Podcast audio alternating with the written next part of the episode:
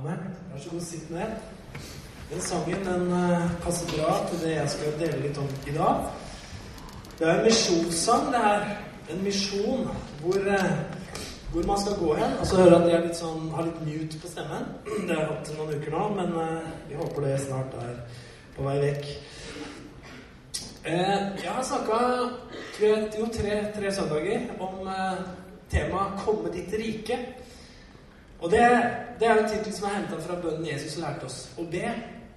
Om at Guds rike må komme som i himmelen, så òg på jorden. Det er en veldig radikal bønn. Eh, og i dag så skal jeg snakke litt eh, om dette her med hvordan det kan komme. Og det handler om eh, noe som definerer det å være voksen. Det er egentlig veldig ganske enkelt å definere hva er definisjonen på å være voksen. Jeg tror kanskje det enkleste ordet å definere det å være voksen på, det er ordet ansvar. Det er forskjellen på barn og voksne. Barn de har lite ansvar. De har kanskje ansvar for eh, bamsen sin, eller noe sånt, men de har ikke ansvar for andre mennesker. Andreas hadde bamsedag i barnehagen her for ikke så lenge siden og hadde med seg kosebamsen sin, som har fått en slags eh, fornyelse i hans liv de siste ukene. Han hadde med seg kosebamse, og så spurte hun som var i barnehagen ja, har har pappa kosebamse? Nei, han trenger ikke det. Han har mamma. Men det handler jo om at det å være voksen handler jo om at man bærer et ansvar. Det gjør ikke barn. Og i Bibelen så, så snakkes det en del om det å bli moden. Om det å være voksen kontra det å være barn osv. Så, videre. så jeg tenkte jeg hadde lyst til å dele litt om det i dag. Rundt det her med utbredelsen av Guds rike. Nå er det sånn at Et ord som ansvar sjelden lokker fram de store, entusiastiske følelsene inni oss. Jeg vet ikke hva du føler når jeg sier ordet ansvar, men det er mulig at det er et ord som, som vekker litt motstand i oss. Kan du være litt enig i det? Jeg og et par andre i den salen her, vi var på foreldremøte ganske nylig på skolen. Og Det var et veldig fint foreldremøte, og lærerne er jo gode pedagoger, så de fremlegger alt på en positiv måte hele tida. Og så var det helt på slutten av dette foreldremøtet så var det Ja, og så er det det at vi skal ha juletrefest.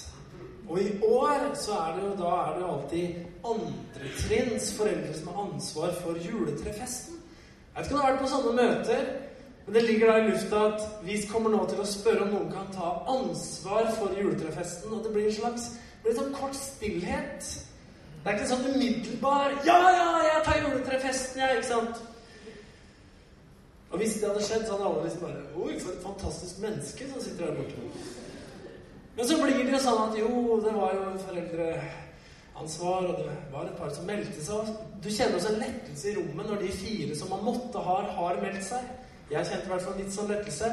Så fint. Da er det i orden til år neste år, så er det 17. mai vi har ansvar for. Så får vi se hvem av disse 52 foreldrene som tar ansvar. Vi har veldig fordel i klassen jeg har barn i, da, for det er 54 elever. Så det er liksom ca. 108 foreldre, så det blir jo veldig mange som kan dele på det. Det er deilig. Men eh, det er ikke alltid Jeg tror det å ta ansvar noen ganger har litt med hva vi tar ansvar for. Eh, det er jo egentlig ting man kan bli fryktelig stolt av få ansvar for. Jeg kan tenke meg kanskje en litt sånn umoden person hvis han fikk beskjed utafor Slottet og ute gikk en dag så, Du, det er litt sånn stressa kongen her av gårde og greier. Kunne du tatt nøkkelen og tatt ansvar for Slottet i dag? Mulig han er liksom bare Ja, ansvaret for Slottet en dag. Det hadde vært noe å ha på CV-en sin. Liksom jobba med det og det og det, og så en dag ansvar for Slottet Drammensveien 1. Helt du skjønte hva det innebar å ha ansvar for Slottet en dag. Mulig du hadde fått bakoversveis. Men ofte så stiller vi spørsmålet til barna våre hva skal du bli når du blir stor? Og jeg husker jeg pleide å svarte at jeg, jeg svarte at jeg skulle bli oppfinner. Det var noe jeg hadde lyst til å bli. Det ble jeg visst ikke. Men uh, jeg ser for meg at jeg skjønte ikke helt hva det innebar. Det ansvaret det måtte ha. Presset med å finne opp nye ting hele tida. Presset med å finansiere ting. Eh, å levere sakene, få det her til å fungere, få en butikk av det, få levebrød. Jeg sa veldig mange ting jeg ikke tenkte på når jeg sa den drømmen. Jeg har lyst til å bli oppfinner. Eller barn som har lyst til å bli sjef, f.eks. Og tjene mye penger. Det er sånne svar du kan få litt sånn tidlig tenåringer. Hva skal du bli når du blir stor? Jeg skal bli sjef. Uh, og jeg har tenkt å tjene mye penger. Og det de ikke har tenkt på, er hva det innebærer å være sjef. Altså Når du er sjef, så har du sluttansvaret for en hel rekke ting. Du må ta bestemmelser. Det er du som får de søvnløse nettene. Du får personalansvar. Du får budsjetter du skal liksom klare, osv. Du får press fra styret. Det er mange ting som følger med det å være sjef, men det har de ikke tenkt på. For de tenker bare at det å være sjef og det å ha en drøm om det, det er liksom ok. Men saken er at eh, det innebærer ansvar. Jo større drømmen er, jo større ansvar innebærer drømmen. For det er sånn at Når drømmer skal realiseres, så følger det ofte mye mer ansvar enn de kanskje tenker på. Og Det er forskjellen på proffer og amatører. Hvis du ser I idrettsverdenen så er det sånn at en amatør der er det veldig lite som er tatt ansvar for. F.eks. når jeg er ute og sykler om sommeren, som jeg hender jeg gjør, sånne treningsturer på racersykkel sammen med andre, så har jeg ansvar for alt. Jeg har ansvar for mitt eget kosthold. Jeg har ansvar for mine egne klær. Jeg har ansvar, Ikke det at jeg er så heavy, liksom, men altså, jeg har jo ansvar for det. Jeg har ansvar for sykkelen min. Hvis det punkterer, så er det jeg som må lappe og bytte dekk osv. Det tar lang tid osv. Men et profflag der er alt tatt ansvar for. Noen har tatt ansvar for alt. Og det skjer sånn med en gang. Det er liksom forskjell på proffer og amatører. Jeg tror også det her er en guddommelig lov. da. Det her at dersom noe godt skal skje, Dersom noe godt skal skje, så må noen påta seg et ansvar. For der det ikke blir tatt et ansvar, så vil ting gå til grunne. Ting vil kollapse.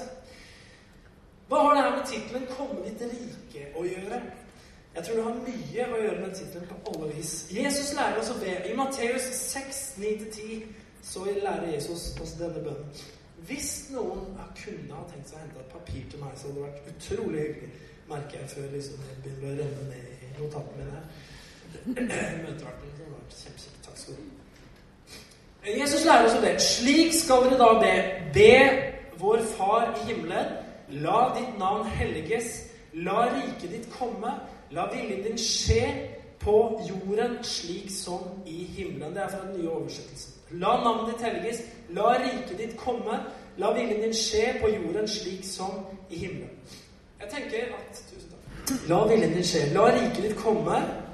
La viljen din skje på jorden slik som i himmelen.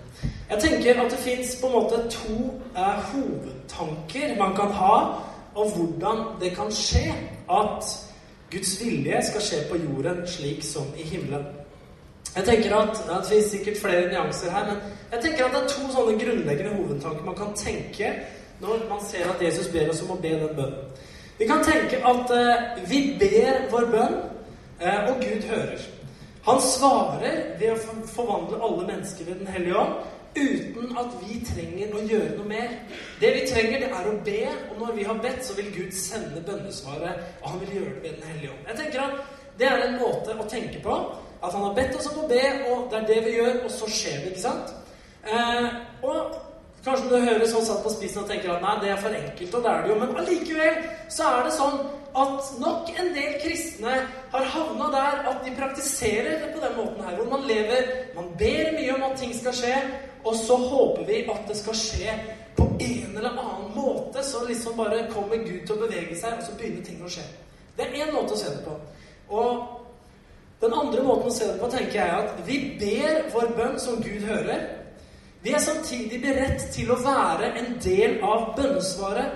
Vi er beredt til å være vitner. Vi er beredt til å forkynne. Vi er beredt til å gjøre gode gjerninger. Be for syke, hjelpe de svake, oppmuntre de som trenger støtte. Vi er beredt til å gå ut. Vi er beredt til å være en del av bønnesvaret, og vi tar ansvar for å være det. Eh, og jeg har vært eh, i mange forsamlinger, og jeg har vært i noen forsamlinger, helt ærlig, hvor det sitter en håndfull mennesker igjen som ber utrettelig om at himlenes rike skal komme, om at Guds rike skal komme, at Guds vilje skal skje. Men det er også alt de gjør. Grunnleggende. Og så har de kanskje noen interne samlinger for seg selv, men det er grunnleggende at de ber den bønnen og håper at noe skal skje. Og så tenker man, man ikke på seg selv som en del av bønnesvaret. Jeg tenker at Gud, Gjennom hele bibelhistorien har Gud kalt mennesker til ulike oppgaver. og En av de responsene som jeg syns er spennende, står om profeten Jesaja. Det står i det sjette kapittelet så er det sånn profeten Jesaja han har møtt Gud. Han har vært i berøring med Gud. Han har opplevd seg sjøl som et menneske som han sier med urene lepper. altså Han opplever seg sjøl som syndig. Og så møter han Gud, og, så, har han en opplevelse at Gud sender en engel, engel til ham og, som rører ved leppene hans og sier 'Jeg har rensa deg'. Jesaja, det er, det er greit. Du er ren. Og så står det i Jesaja 6, 7-8. Der kommer engelen, og det står Med den rørte han munnen min og sa Se, denne har rørt ved leppene dine. Din skyld er tatt bort. Din synd er sonet. Da hørte jeg Herrens røst, han sa Hvem skal jeg sende, og hvem vil gå for oss?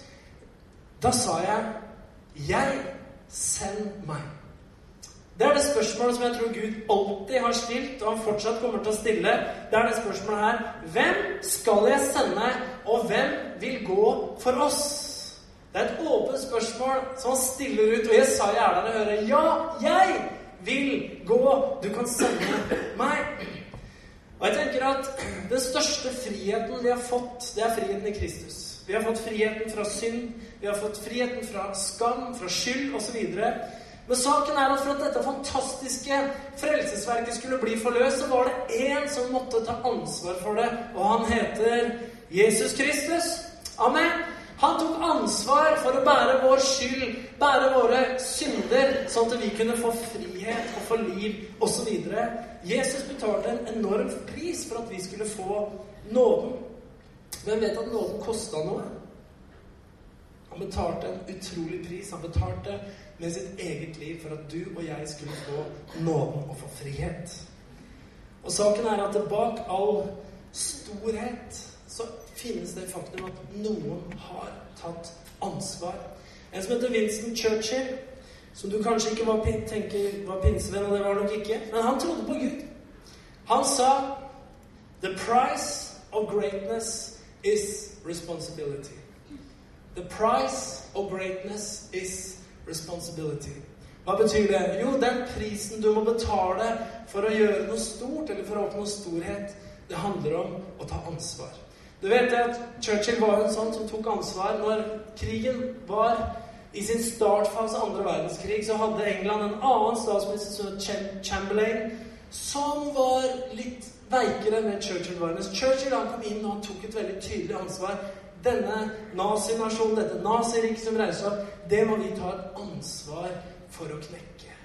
Vi skal slåss på fjella, vi skal slåss ved stranda, vi skal slåss på engene, vi skal slåss i byene, vi skal slåss overalt. Og vi skal aldri We shall never surrender. Har du hørt den prekena? We shall never surrender. We shall never surrender. Han satte en sånn uh, inn i hele England som sa vi kommer aldri, aldri til å gi opp. Vi tar ansvar for å knekke det regimet som er i ferd.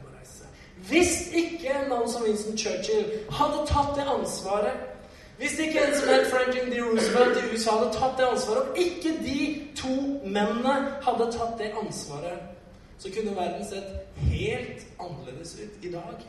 Det er en fryktelig skremmende tanke, men verden kunne sett dramatisk annerledes ut i dag om det ikke var et par stykker som tok realt ansvar for det som skjedde. Og Derfor så er det som han sier The price of greatness is responsibility. Hvem kan frelse verden? Gud tok ansvaret for å frelse alle oss. Jesus han møter Og det er interessant når Jesus helt tydelig han tar på seg ansvaret for at riket skal komme. Han tar på seg ansvaret for at Guds nåde skal bli forløst, og Guds tilgivelse over hele menneskeheten. Ansvaret var noe Jesus visste han hadde tatt. Allikevel så er det et punkt i Jesu liv hvor han på en måte møter tyngden av det ansvaret han har tatt. Når Jesus kommer og nærmer seg det han egentlig dypest sett er her for å gjøre en alene, nemlig å dø, ofre seg selv og stå opp igjen, så er han i Getsemane. Og der møter Jesus tyngden av det ansvaret han har påtatt seg. Og han ber til Gud. Far, om du kan la dette oppdraget, denne kalk, dette begeret, gå forbi meg. Så la det være sånn. Men skje ikke min vilje, men din vilje. Det står at Jesus han, han svetta. Han hadde en kamp hvor han svetta Det var som blodsdråper, svetten hans. Han opplevde et utrolig press. Og det har noe med det ansvaret Jesus møtte. Og jeg synes det er interessant å se at også Jesus møtte tyngden av ansvaret han hadde påtatt seg i en gitt situasjon. Men det han gjorde, det frelste oss alle sammen. Det kan du si amen til. Er ikke det bra? Amen. Eh, Jesus kjente byrden av ansvar, men han gjorde noe fantastisk. The price of greatness is responsibility. Jeg husker jeg hørte på som Bill Hybels for noen år siden. En pastor fra Chicago i USA som har vært også rådgiver til en del av presidentene i USA, bl.a. Bill Clinton. Jeg hørte han fortelle litt om det. Og han sa jeg møter Bill Clinton så og så ofte. Og det var midt oppi den der Monica Lewinsky-skandalen som pågikk. Så han var litt ironisk så det spørsmålet kan dere lure på hvor vellykka det har vært at jeg som pastor har vært hans rådgiver. Men det får nå stå. Men han sa allikevel Han hadde sånne spaserturer med Bill Clinton med jevne mellomrom. Han sa noen ganger så er tyngden av det ansvaret den mannen har Du kan kjenne den er i lufta. Han har avgjørelser å ta som kan berøre millioner av mennesker. Jeg kan kjenne i lufta noen ganger den tyngden av det ansvaret. Så det er en side av det å ta ansvar. Men det fører til fantastiske ting.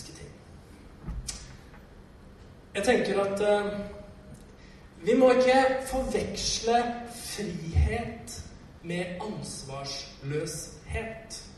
Skjønner du hva jeg snakker om? Noen ganger så tenker vi at frihet og ansvar er to forskjellige ting. Vi tenker at det å leve i frihet er å leve et slags et liv hvor vi ikke bærer noen typer byrder. Men det fins noen typer byrder som, som, jeg tror Gud kaller oss til å bære. Det fantes en type byrde som Gud kalte Jesus til å bære, som han har kalt mennesker gjennom hele bibelhistorien og i vår tid til å bære.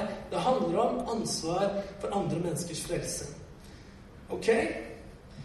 Eleanor Roosevelt, kona til tidligere president i USA, Franklin D. Roosevelt, sa følgende om frihet og ansvar. Det syns jeg er veldig bra sagt. Det går på engelsk. Det går bra, det. Hun skriver sånn her at freedom makes a huge requirement of every human being.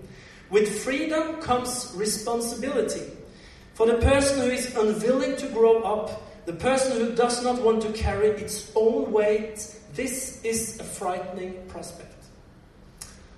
Hun var den presidentfrua som har sittet lengst i USA. Eh, og eh, hun gjorde utrolig mye eh, for veldig mange mennesker. Men hun skriver interessant her. Fordi hun var opptatt av frihet. Og jeg tenker at den kristne friheten Jeg kan beskrive den litt inn her. For det står at frihet, den, den, den gjør et krav på Den krever noen ting.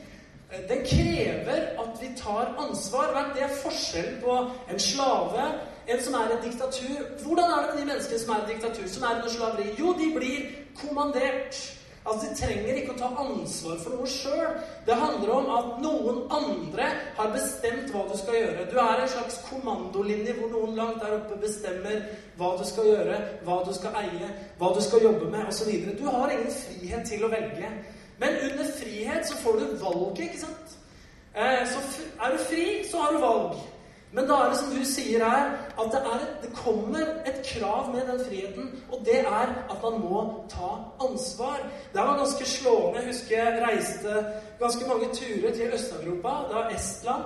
Eh, ikke så veldig lenge etter at det såkalte jernteppet falt. Vi reiste med hjelpesendinger osv. Og, og det var én ting som slo oss etter hvert som vi var der, og det var det at de menneskene som hadde vært under kommunismen, som hadde vært under diktat, under diktatorstat de hadde så utrolig liten evne til å ta personlig ansvar. Uansett hvilke muligheter de fikk, så var de som lamme. For de hadde blitt vant til å bli kommandert. Det hadde ikke vært en frihet hvor de kunne velge, og hvor de kunne ta ansvar. Så de visste egentlig ikke helt hva de skulle gjøre med livet sitt. Men det er riktig som står med frihet, så følger det er ansvar. Eh, å vokse opp og bli moden, det handler om i hvilken grad man tar ansvar for seg selv for de som er rundt seg, og samfunnet i det store og det hele. Og det som hun sier her, det er at for de som, de som ikke vil bli voksne, så er ansvar et skremmende perspektiv. Jeg vil ikke, jeg vil ikke bli voksen. Jeg vil ikke ta ansvar. Det høres bare slitsomt ut. Men hør nå. Ansvar fører til veldig mye bra. En annen som heter, en amerikansk forfatter som heter Albert Hubbard, skrev at responsibility is the price of freedom. Ansvar det prisen vi må betale for vår frihet. Jeg kikka litt på misjonen som Jesus ga. Jeg kan spørre hvilken misjon har vi som kirke? Hvilken visjon, hvilken visjon har vi, hvilken misjon har vi? Hva er det Gud vil at vi skal gjøre? Og jeg tenker at Det Gud vil at vi skal gjøre, det kan man si på mange forskjellige måter. Men det er noe også som hele Bibelen er full av, og som kirkehistorien er full av. Det er hva levende kirker har tatt ansvar for når Guds rike har fått framgang. Jeg tar fem punkter på det her som jeg har lyst til å, har lyst til å vise deg. Eh, det første punktet som gjør at riket kommer, som gjør at Guds vilje skjer, det er at man tar ansvar for hverandre. Ansvar for hverandre. Hva handler det om? Det handler om at eh, man har fellesskap som er nære nok til at man kjenner hverandre godt nok til å støtte hverandre, til å utvikle hverandre, til å snakke inn i livet til hverandre. Det tror jeg er snakk om en ekte menighet, en ekte fellesskap. Det handler om å leve nært. Man klarer ikke å leve like nært med alle, men at man lever nært med noen. At man lever nært i et fellesskap, så nært at vi kan ta et ansvar for livet til hverandre. Eh, vi kan støtte hverandre, vi kan hjelpe hverandre, vi kan utvikle hverandre. Og du ser den første menigheten i Apostlenes gjerninger så var det, det var gjennomsyra av et fellesskap som tok ansvar for hverandre. Så hvis det er mange måter å gjøre det på, det kan være forskjellige situasjoner osv. Men eh, saken var at de var så nær at de støtte på hverandres behov. Derfor så var det sånn at i første menighet så var det De delte ting med hverandre. De ga sine eiendeler osv. De støtta hverandre. Og saken er at det var en stor del av grunnen til at det kom så mange til Guds menighet. Det var det at de hadde et fellesskap hvor de tok ansvar for hverandre. Eh, menigheter der folk bare treffes på gudstjenester og møter, det slutter på et eller annet punkt å være et genuint kristent fellesskap. Eh, det å være kirke, det å være menighet, det handler dypest sett om fellesskap. Det handler om å være sammensveisa. Det handler om koinonia. Det er det greske ordet for samfunn med Gud og hverandre. Og vet du at det å, det å på en måte leve tett på folk noen ganger, det kan, det kan være slitsomt noen ganger. Det kan kreve litt av oss, men det gir også utrolig mye tilbake.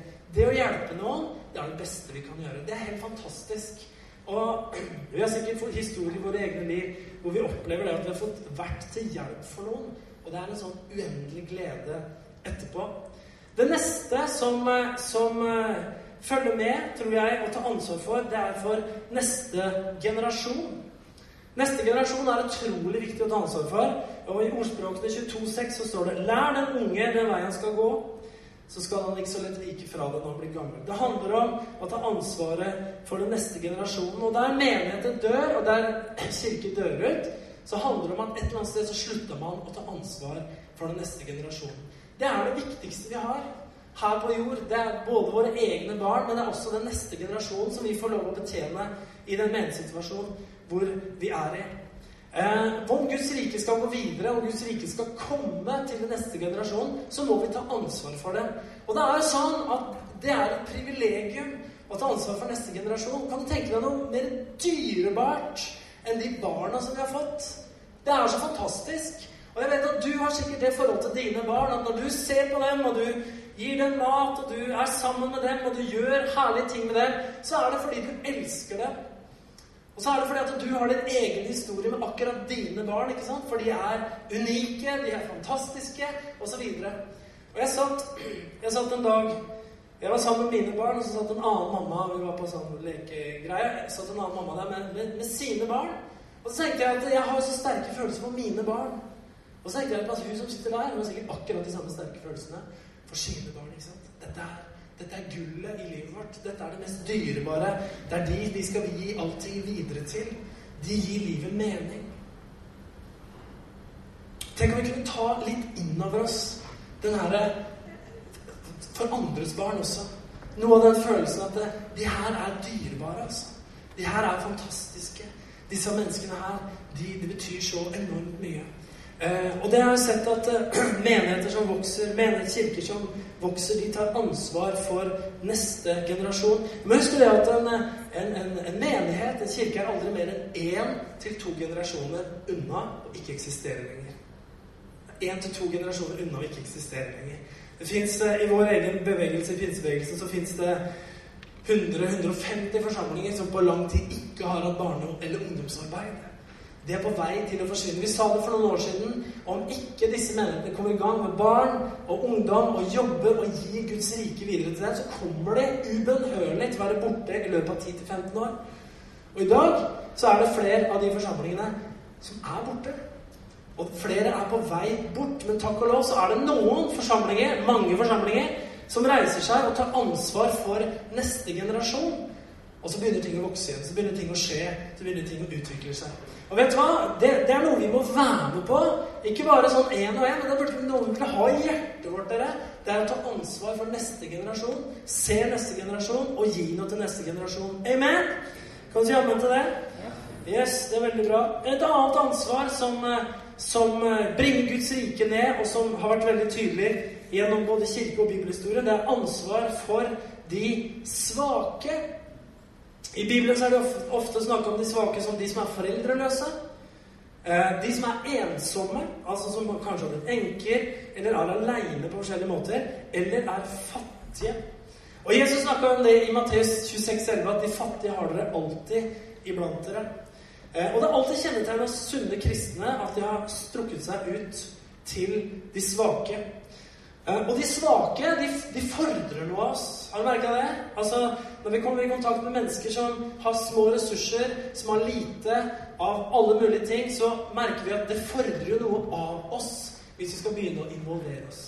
Jeg tror veldig mange av oss som er kristne i vår veldig komfortable vestlige verden, hvor vi er opptatt av inntekter og eiendeler og oppussing osv., vi klarer ikke helt å ta det inn over oss, det å begynne å hjelpe noen som er svakere stilt enn oss sjøl. Vi liker så godt å drikke caffè latte og cappuccino med vennene våre på kaffebar og, og sveve rundt og dra på ferier og ha det skikkelig herlig at det blir slitsomt for oss å forholde oss til mennesker som har større behov. Men hør, det er virkelig en del av det at Guds rike skal komme. Det er en del av det ansvaret. Og Hvis du ser tilbake i vekkelseshistorien, i kristen historie, i Bibelen, hele veien, så vil du se at der hvor Guds rike har gått fram, så er det i stor grad fordi man har hatt et hjerte for de som er svakere stilt. Fordi man kunne strekke seg ut. Trenger ikke gå lenger enn til f.eks. Frelsesarmé, hvor det var slum i London, det var fattigdom, det var mange som var svakt stilt, det var enormt mange prostituerte, det var kjempeproblemer. Hvor de startet med soap, soup and salvation. Det er jo hele Frelsesarmeens visjon. Soap, soup and salvation. Få vaska dem, få dem reine, få dem inn i ordentlige forhold, gi dem mat, og gi dem Jesus. Amen. Og det, jeg tror det var riktig rekkefølge. Jeg tror salvation kom til slutt. Det handler om at ofte så blir det her en temperaturmåler på vår egen selviskhet. Og jeg må innrømme det er noe alle kan kjenne på. Det krever jo noe hvis vi tar ansvar for mennesker som er svakere stilt. Noen enkelte sånne perioder i livet så har, har vi hjemme kanskje hatt, tatt et ekstra ansvar for noen mennesker som har hatt det veldig vanskelig. Og eh, det er ikke alltid det er like lett. Det er ikke alltid det føles like velsigna. Men etterpå, om det blir resultater av det, så er det fantastisk. Du har redda et liv. Amen. Nå for tida så er det Jeg kikka på en kampanje som jeg ser svever litt rundt og er i våre sammenheng, som heter A21, A21, som heter 'Abolishing Injustice in the 21st Century'. Eh, jeg vet at Kanskje en del av dere har vært borte der inne, men det handler om en kristen bevegelse som nå slåss mot trafficking. Mot jenter som er prostituerte, som er slaver. Det fins 27 millioner jenter og gutter i dag som er ofre for såkalt trafficking, sex, prostitusjon, slaveri. 27 millioner klarer å ta inn det. Det øker hele tida. Det er det skremmende. Det er helt vanvittig. Du vet at det, det at kristne engasjerer seg i sånt noe, det er bare vanvittig bra.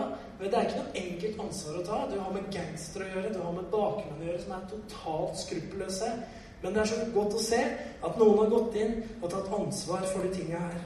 For det fins så mange. Det ansvar krever, men Guds rike, det kommer i de menneskenes liv. Utrolig sterkt.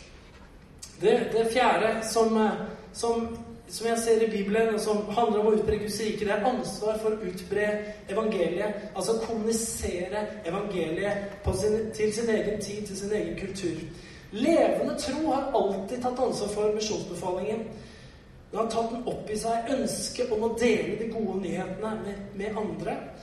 Altså Der man kan sitte og be, det er én ting, men det å gå ut og gjøre noe ting og handle på det, det handler om å ta konkret ansvar for misjonsbefalingen. Og Der man ikke lenger bryr seg om, om å nå ut, ikke bryr seg om hvordan man snakker til folk eller tar kontakt med folk eller driver misjon, så har liksom flammen den har ebba ut, så man lever i sin egen lille verden. Jeg skal ikke bruke så mye tid på det, men det ligger i, i oss, dette her å utbre evangeliet. Det siste eh, som eh, alltid har fulgt med, det er at ansvar handler også om økonomi. Kristne menigheter, kristne kirker har tatt et økonomisk ansvar for å utbre Guds rike. The Beatles sang en gang en sang som het 'Can't Buy Me Love'. Mange syns den er fin? Ja, Dere kjenner den? Ser noen sånn 68 her som sitter og Ja, Can't Buy Me Love sang The Beatles, og det er jo helt sant. Du kan ikke kjøpe kjærlighet. Og det beste i livet er gratis. Det er jo fint. Det beste i livet er gratis. Nåde fra Gud og kjærlighet, kjæreste, ektefelle, barn betaler jo ingenting for det. Men kjærligheten kan føre til mange kostnader. Hvis du tenker litt på det Altså, du treffer kjæresten din. Det er gratis. Jeg husker jeg traff Katrin, som jeg ville skulle bli kjæresten min veldig fort. Og det var helt gratis. Kosta meg ingenting. Jeg bare traff henne, husker jeg. Og helt gratis. Eh, og du kan gi komplimenter fordi du har blitt forelska. Det er gratis. Koster ikke noe å gi komplimenter. Det er utrolig billig. Veldig effektivt. Anbefales på det sterkeste. Eh, kyss og klem, ikke sant? Det er gratis. Koster ingenting. Du ikke betale for det når du har fått kjæreste. Det er fint. Betal aldri for sånt, egentlig. Så bare Det skal være gratis, ikke sant? Ja. Eh, så kjærligheten, den, den, den begynner så innmari gratis og fint, vet du. Se hverandre, komplimenter, kanskje et kyss, må bli sammen. Foreløpig er det gratis. Og så Alt det her fikk jo jeg også gratis, ikke sant? Eh, og så skjer jo det at dere gifter dere, da, fordi dere vil dyrke denne kjærligheten. ikke sant? Skal utvikle seg. Så gifter dere. Og da, da vil man ha et godt sted å pleie kjærligheten ikke sant? og ha det godt sammen. Så da ja, Hus, leilighet Kommer det? Det begynner plutselig å koste penger. Nå, nå begynte kjærligheten å koste penger. Jeg har sikkert gjort litt før og dyre diamantringer og masse sånt som du må ut med hele tida. Men altså, nå begynner plutselig ting å koste penger. Og så ønsker man da i tillegg, når man har liksom kommet sammen, at vi ønsker å oppleve ting sammen. ikke sant? Så det også koster jo penger. Eh, og for å liksom bare få maks ut av det kjærlighetslivet vårt, så ønsker vi å ha barn. Så får vi barn, og det er gratis å lage barn. Det skal det være. Og så blir det sånn når barna kommer, så kommer det plutselig masse kostnader da. Du skal ha barnerom, du skal ha barneseng, du skal liksom male rommet i blått, og så var det feil, kom må det rosa, må male to ganger. Du må kjøpe ting og tang. Barneklær. Eh, dyrt. Bleier, f.eks. Nå er jeg ute av bleieverden, men du verden hvor bleier koster. Så vet vi var de som leser to pakker for tre, eller åssen motsatt kanskje det var, jeg husker ikke. Men vi dro i hvert fall Vi vil dra dit, liksom. Der er det billige bleier. Nå er jeg løst ifra det, takk og lov. Men for dere som er der, dere vet bleier koster penger. Det er gratis, det koster penger. Kjærligheten. Familien du elsker, hva de skal ha? De skal ha med, de skal ha mat, de skal ha klær. De skal ha hus, de skal ha barnehage, de skal ha SFO, de skal ha opplevelser, de skal ha ferier. Det koster egentlig utrolig mye. Er du klar over hvor mange millioner kroner det har kosta deg å bli forelska? Har du tenkt på det? Det er ikke, det er ikke få millioner, altså. Vi snakker om eh, for meg flere titalls Nei, det var ikke nær noen, noen millioner. Noen millioner kroner skulle det altså koste at denne her kjærligheten skulle på en måte få sitt fulle uttrykk og sitt, sin fri, fulle utfoldelse. Og det er nok saken, dere, at når det gjelder kjærligheten til Gud og kjærligheten til denne verden, om de skal få Guds rike så er det sånn at det er gratis. Men det vil allikevel koste mye om denne kjærligheten skal få sitt frie utløp. Og få alle de banene og alle de kanalene og alt det her som den kjærligheten fortjener å få. Og det handler om økonomi. Det involverer økonomi. Det er å ta konsekvensen av at kjærligheten skal få lov å komme ut til andre. Den forsamling som ønsker å hjelpe svake, gjøre noe for neste generasjon, drive utbredelse av evangeliet, må samtidig være innstilt på å gi penger. At det vil koste mange millioner, denne kjærligheten som du og jeg fikk helt gratis. Amen. Amen. Fint. To stykker. Ja. Men det er sant. Evnen til å gjennomføre drømmer henger sterkt sammen med evnen til å investere penger i det man elsker. Eh, dette er fem enkle punkter. Men jeg tenker at komme ditt rike, det handler om det her. Det handler om å ta ansvar for de områdene her. Og vi er, vi er et sted i vår forsamling hvor vi eh, takk og lov altså, har fått lov å bli kjent med så mange nye mennesker i løpet av bare det siste året. Mange nye mennesker som har begynt her, som har kommet hit og begynt her osv. Og, og vi kjenner jo på det også at eh, dette her, disse punktene her, det er helt relevante ting som vi som forsamling syns er naturlig å tenke enda mer konkret på og investere enda mer ansvar i. Ikke sant? Og jeg tenker Det at eh, det er det Gud vil for meg, det er det Gud vil for deg. Det er at vi skal ta et ansvar for det her. Og bli med på den visjonen. Og ta ansvar for hverandre. Ta ansvar for neste generasjon. Ta ansvar for de som er svakere stilt. Ta ansvar for utbredelse av evangeliet, og ta ansvar for økonomi. Det er faktisk en velsignelse i det siste her også, fordi at det kommer til å gå bra for så veldig mange mennesker. Jeg vet ikke om du har sett på denne her, eh, hva heter den? Dette programmet som går på TV3. Eh, Gjeldsfella heter det ikke. Jeg vet at det ikke heter det. Hva heter det? Luksusfellen heter den. Luksusfellen. Og det har noe med at det er, det, det, er sånn eh, Forrige uke så kom jeg innom det programmet, jeg og Katrin. og der var det en som hadde kasta regningen i flere år. Det er fint. Altså, han blir jo kvitt regningene. På en måte, da. Men saken var det at han hadde jo da aldri tatt ansvar for det her. Han hadde drømmer, og så brukte han mer enn han kunne, og så gikk det på en måte forferdelig dårlig til slutt. Og til slutt så sitter han der og tar Nå må jeg ta ansvar. Nå er jeg like ved utryddelse om ikke jeg tar ansvar. Og så kommer det noen inn og hjelper ham å ta ansvar, og så begynner gode ting å skje. Og så får han høre at de kanskje de to neste åra så har du ikke råd til å kjøpe mer enn liksom ett par sokker annenhver måned omtrent. Men det er det ansvaret du må ta for at ting skal begynne å gå bra igjen. Jeg er liksom ikke i en sånn situasjon hvor jeg står her i dag og snakker om at ting ikke går bra. Vi har utrolig mye godt å glede oss over. Men jeg tror at om Guds rike skal utbre seg mer gjennom denne forsamlingen, så må vi også ta det her ansvaret. Responsibility is the price of freedom. Amen. Henger du med? Så jeg vil bare liksom ta med det her ta det her videre til deg i dag om å, om å tenke på hva slags ansvar bærer du? Hva slags ansvar vil Gud at du skal bære? Større drøm gir større resultater. Nå skal vi ha Nå skal vi ha halloven. Halloven, er Det er fantastisk, altså. Og jeg, jeg blei så glad. Vi snakka om halloven. Jeg snakka om halloven i to år. To år har vi snakka om Halloven. Hva er Halloven? Halloven er et arrangement hvor vi inviterer hele byen til en kjempesvær idrettshall. Vi har leid en svær Og de skal komme, og de skal oppleve glade mennesker, positive mennesker, positive aktiviteter og masse godt. Og møte masse blide mennesker. Og så gjør vi det her for å gi noe til barna i byen vår. Ikke sant? Vi gjør noe for å gi noe til neste generasjon. Og vi kan knytte nye kontakter inn til forsamlingen vår, inn til Guds rike, så er det fantastisk. Men vet du hvorfor vi kan gjøre halloven i år? Fordi at noen har tatt ansvar. Så enkelt er det jo. Han der som ropte høyest 'amen' nå. Han og noen til har tatt ansvar. Og så begynner det å skje noen ting. Vet du hva? Det er, det er bare så enkelt det er. I det øyeblikket noen sier 'Jeg tar ansvar for å', så kan ting begynne å skje. Ok? Så enkelt er det. Hvor vanskelig er det å utbre Guds rike? Enkelte ganger så er det ikke verre enn at noen tar ansvar. Det handler ofte ikke om ressurser. Det handler om å være villig til å forløse ressursene våre inn i noen ting. ikke sant? Det er det det handler om. Og Derfor så er det lettere for andre å ta medansvar når noen har tatt hovedansvar.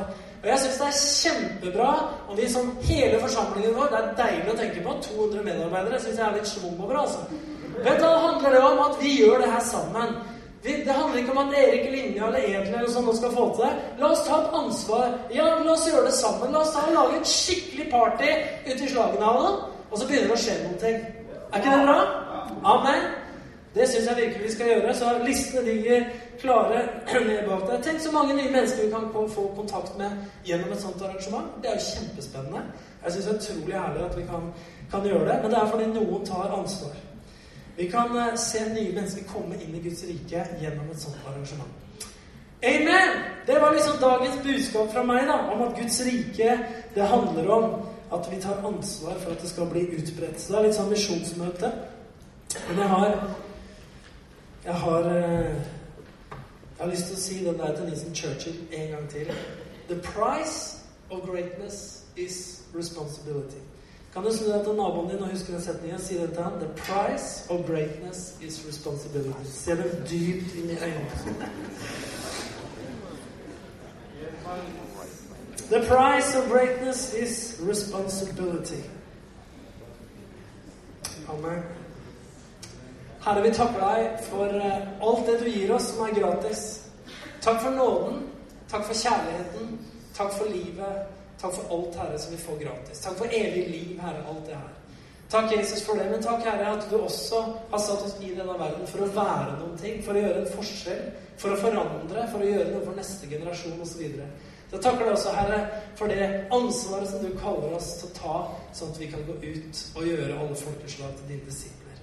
Jeg takker deg, Jesus, for at du har store ting foran oss, foran ditt folk, om vi tar ansvar inni oss og med det vi gjør. Jeg takker deg for det, Jesus. Og så takker jeg deg, Herre, for denne formiddagen, at du vil snakke inn i menneskers hjerter om ansvar som de kanskje kan ta, eller som de burde ha tatt, eller som du vil kalle dem til, Herre.